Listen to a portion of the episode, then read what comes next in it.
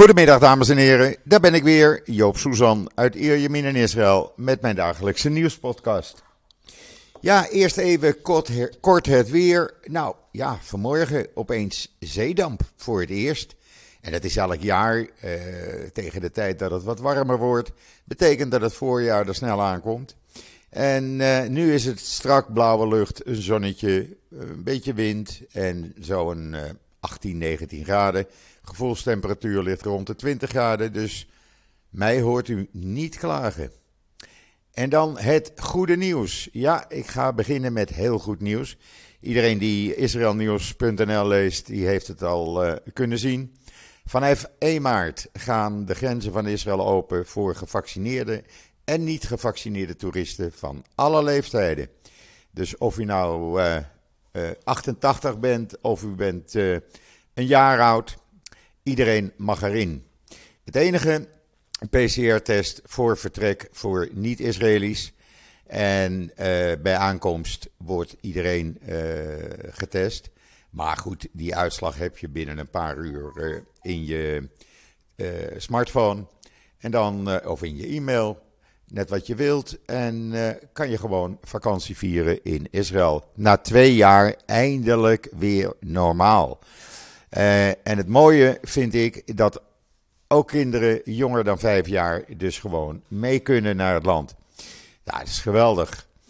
Uh, ja, uh, Israël, ja, het gaat goed met het coronavirus. Ik heb de cijfers tot tien voor tien gisteravond, om precies te zijn 21 uur 49. en toen waren er nog 133.040 actieve viruspatiënten. Overgrote deel met of helemaal geen klachten of lichte tot milde klachten. In de ziekenhuizen lagen om tien voor tien zondagavond nog 804 ernstig zieke viruspatiënten, 312 kritiek en 259 van hen aangesloten aan beademingsapparatuur. Afgelopen 24 uur tot uh, zondagavond 10 voor 10 dus, zijn er 30 mensen overleden, waardoor de teller op 9.971 staat. En Israël waarschijnlijk morgen de grens van 10.000 doden helaas gaat uh, overschrijden. Israël staat op de 85ste plaats in de wereld wat betreft COVID-19 sterfgevallen per hoofd van de bevolking. Met 1052 doden per 1 miljoen mensen. Het wereldwijde gemiddelde staat op 1320 sterfgevallen per miljoen. Uh, maar ja, China zit daar niet bij, want die meldt helemaal geen sterfgevallen. Dus het cijfer is niet helemaal waar natuurlijk. Verenigde Staten als voorbeeld heeft uh, 2870 COVID-sterfgevallen per miljoen mensen. Drie keer meer dan Israël. En het Verenigd Koninkrijk telde er 2345 per miljoen. Frankrijk 2069. Uh, dus Israël zit in een gemiddelde. Ik weet niet het uh, uh, getal van Nederland, want dat kwam niet voor in die opgave. In Jeruzalem zijn op dit moment nog de meeste virusgevallen, 7600. Tel Aviv volgt op de tweede plek met 7589. Haifa met 4788. Beersheba met 4733. En daarna Petah Tikva, Rishon LeZion en Netanya waar 3439 mensen nog besmet zijn. Uh, ja, uh, wat voor regels gelden er nog in, uh, in Israël? Nou ja, eh, eigenlijk zijn er op dit moment weinig regels nog. ja, schoolkinderen moeten nog getest worden, maar dat vervalt volgende week. Die hoeven dan helemaal niet meer getest worden. En we hebben nog de uh, mondmaskers, de gezichtmaskers, die je in winkels en drukke publieke ruimte moet dragen. Maar er wordt al gezegd binnen het ministerie van Volksgezondheid dat uh, waarschijnlijk voor Pesach, mogelijk eind maart, maar in ieder geval voor Pesach, wat half april begint, de mondmaskers niet meer nodig zullen zijn als de daling blijft doorgaan zoals die nu gaat van het aantal nieuwe besmettingen. Dat zijn uh, goede berichten, want dat betekent uh, ja, dat we normaal uh, de zomer kunnen ingaan. Dat is hartstikke goed nieuws. En dat het al normaal is in Israël, bleek uit een krantenartikel in Ynet. Want ja, de files zijn weer normaal. de winkels, de drukte in de winkels is weer normaal. Op Ben Gurion Airport staan weer rijen van Israëli's die naar het buitenland gaan. ja, door die versoepelingen die we verleden week hebben gehad, uh, ja, leeft eigenlijk iedereen weer min of meer normaal. Ja, mondkapje, dat is dan nog het enige wat herinnert aan het virus.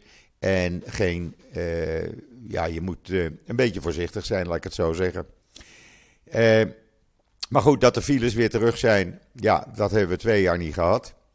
En dat betekent dat je weer in de spits, s morgens van laat ik zeggen, waar ik woon, Ierjamin, naar Tel Aviv een uurtje doet. En s'avonds doe je er ook weer een uur over, waar je normaal iets van uh, ja, binnen 20 minuten beter. En dan Airbnb, want het loont om in Tel Aviv en Jeruzalem Airbnb host te zijn. Dus je appartement via Airbnb te verhuren.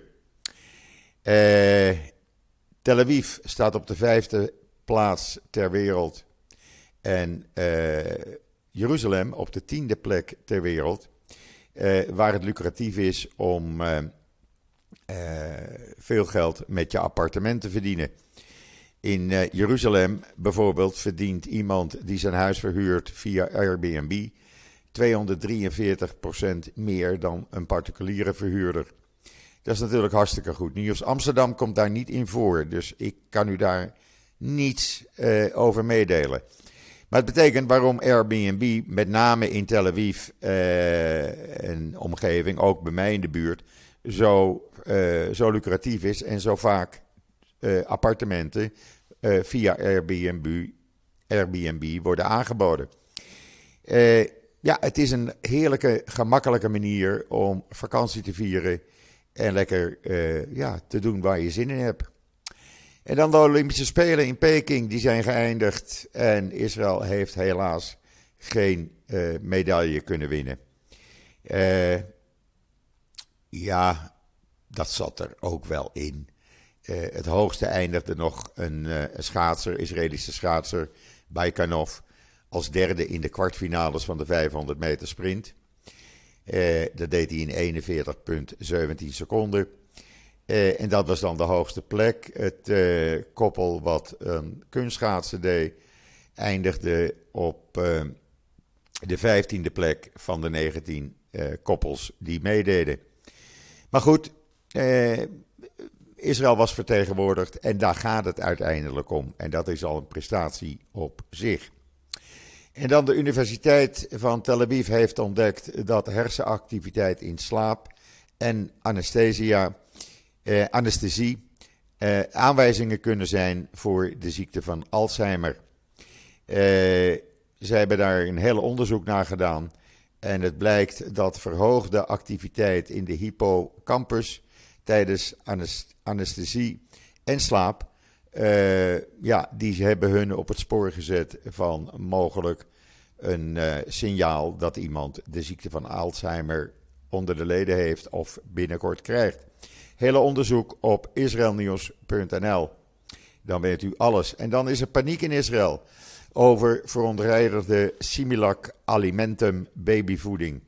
Uh, gisteravond was het uitgebreid op televisie, op alle uh, tv-journaals. Want in Amerika zijn vier baby's in een ziekenhuis opgenomen en eentje is er al overleden. Die, waren, ja, die kregen een infectie daardoor. Het blijkt dat uh, uit een bepaalde fabriek in Amerika, waar dit product gemaakt wordt, dat daar een bacterie in het product is gekomen, waardoor kinderen dus ja, ernstig ziek worden. Uh, men neemt die twee Similac alimentum uit de handel hier. Iedereen kan het terugbrengen. Ik weet niet of het in Nederland verkocht wordt. Zo ja. Check het even en gebruik het niet. Breng het terug. Trouwens, u kunt het allemaal lezen in detail op uh. En dan is er hier in Israël een conferentie van de voorzitters van de grootste Amerikaanse Joodse organisaties in het Inballenhotel in Jeruzalem. En dat is altijd een belangrijke conferentie. En daar heeft Bennett gisteravond uh, een toespraak gehouden. Die ging natuurlijk over Iran. Die ging natuurlijk over de Abraham-akkoorden. Uh, ja, hij, uh, hij zegt nog steeds over Iran dat als die Iran-deal binnenkort echt zou worden afgesloten, dat een levensgevaarlijke toestand zou kunnen worden. Met veel uh, aanvallen vanuit Iran op Israël. En ja, ongeregeldheden hier in het Midden-Oosten, zegt hij. Lees die hele toespraak. Er zit ook een, ja, eigenlijk alles wat hij gezegd heeft, kunt u daar, daar zien.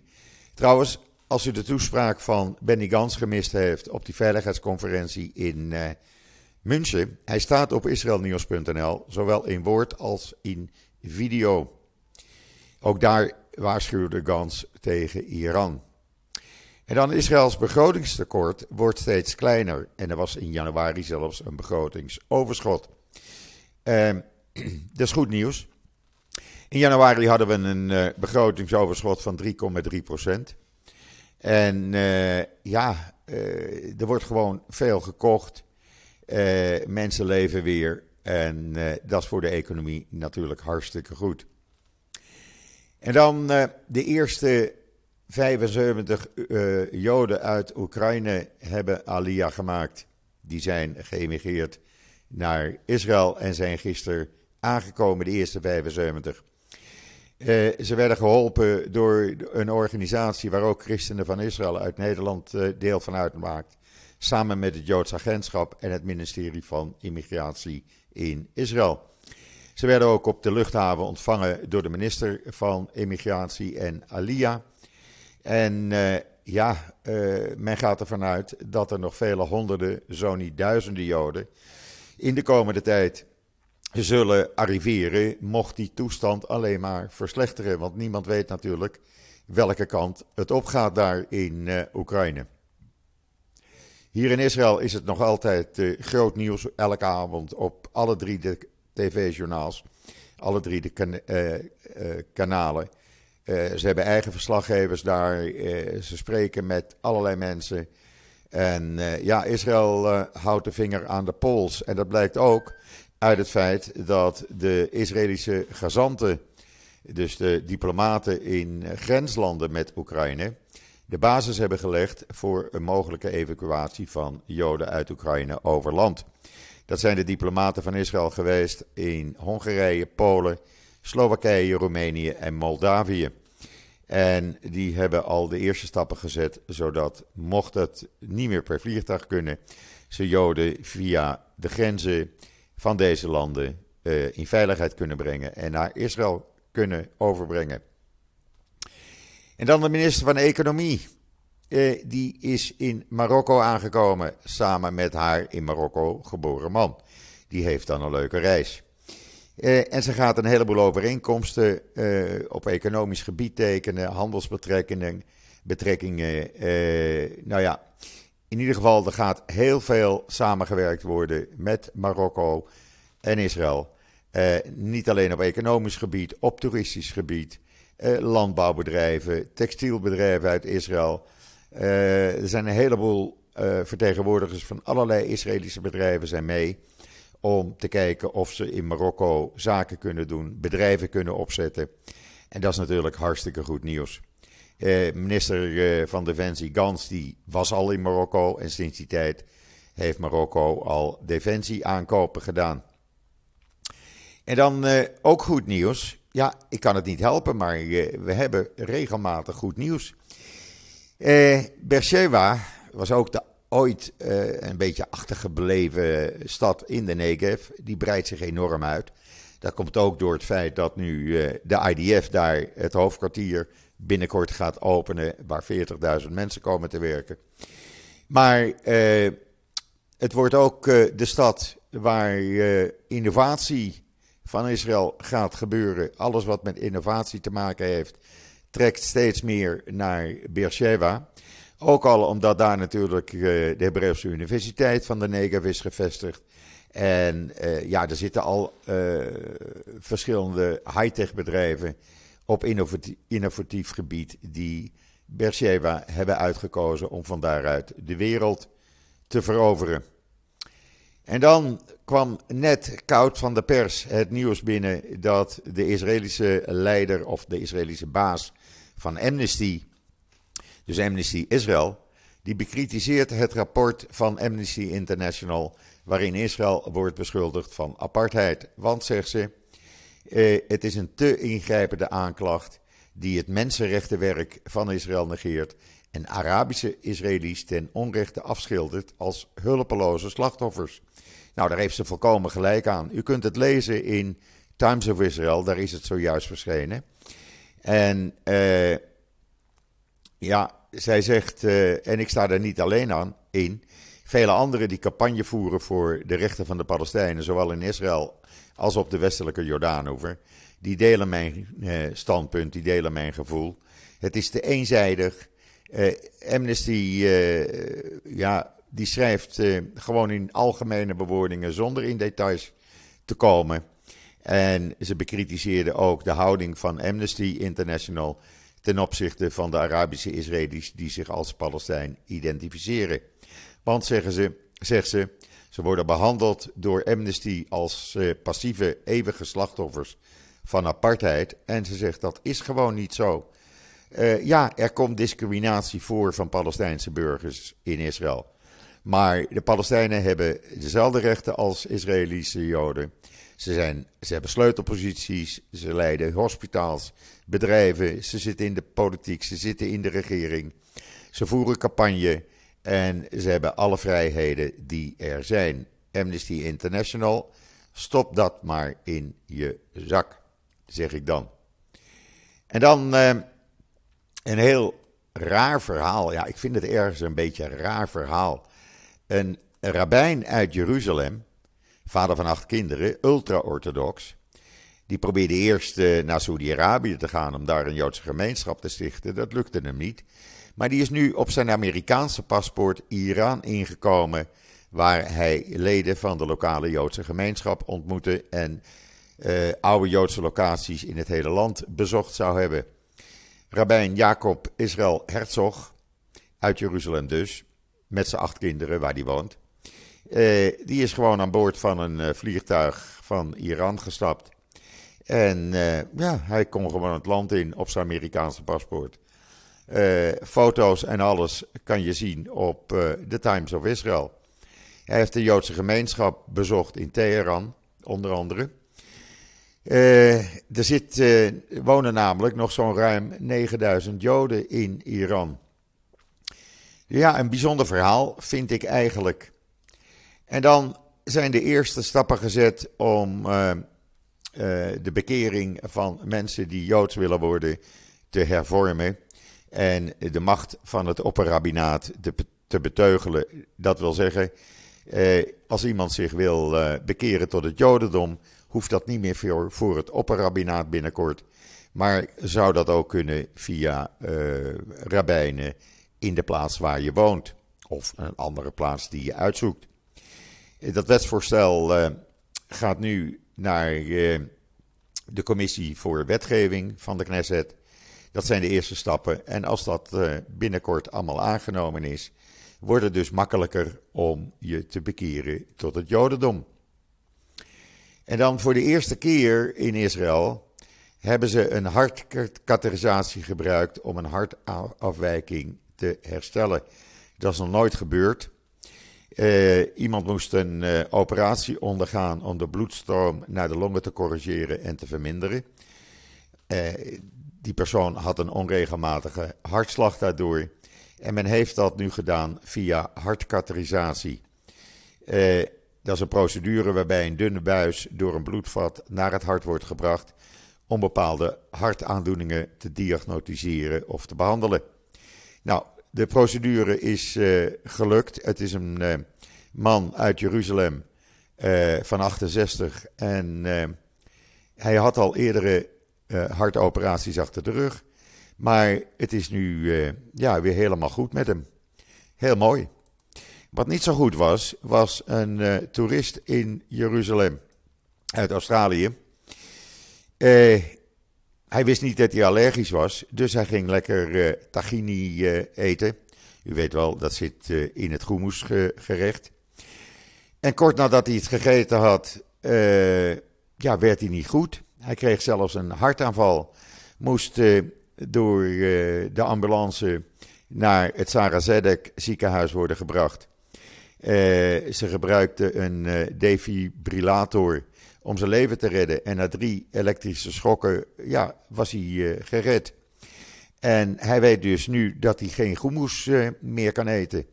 Ja, zo kom je nog eens ergens achter. Ik heb er gelukkig geen last van, want ik vind groenmoes, uh, ik vind het heerlijk. Ik eet het een aantal keren per week, zullen we maar zeggen. En ja, ik kan er eigenlijk niet van afblijven. Ik moet het toch altijd wel even eten. En dan minister van Volksgezondheid Horowitz. Die heeft gezegd dat geweld door kolonisten een strategische bedreiging voor Israël is. Nou, ik ben het wel met hem eens. Dat geweld van kolonisten, dat loopt een beetje uit de hand. De regering durft weinig tegen te doen. Ze vernielen Palestijnse olijfbomen. Ze gooien met stenen. Uh, ze, vernielen auto's. En daar moet gewoon wat aan gedaan worden. Maar niemand die het, zich, uh, die het durft aan te pakken.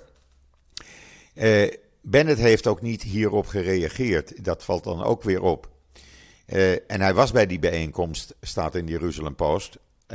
Maar hij heeft er geen woord over gezegd. En ook Benny Gans hield zijn mond. Een beetje raar allemaal. Ze zijn gewoon bang, denk ik, van, voor die settlers, denk ik dan. En dat is voornamelijk de settlerjeugd. Want heel veel settlers doen ook goed werk met de Palest samen met de Palestijnen. Dat moet ik er ook bij zeggen. Maar je hebt die jongelui en die gaan uh, ja, constant uit hun dak. En die vernielen alles wat Palestijns is. En dat moet nou eens een keer stoppen. Uh, dus wat dat betreft kan ik het helemaal met hem eens zijn. Nog even dit, als straks de volledige cijfers van COVID bekend zijn over de hele zondag, dan zet ik ze natuurlijk op israelnieuws.nl online. En kunt u alle laatste uh, virusbesmettingen in Israël ook zien. Dit brengt mij tot het einde van deze podcast voor vandaag, maandag de 21ste februari. Morgen is het de 22ste van de tweede van het jaar 2022, een mooi getal. Ik ben er morgen weer. Maak er nog een hele fijne dag van. Ik ben er morgen weer en zeg zoals altijd: tot ziens. Tot morgen.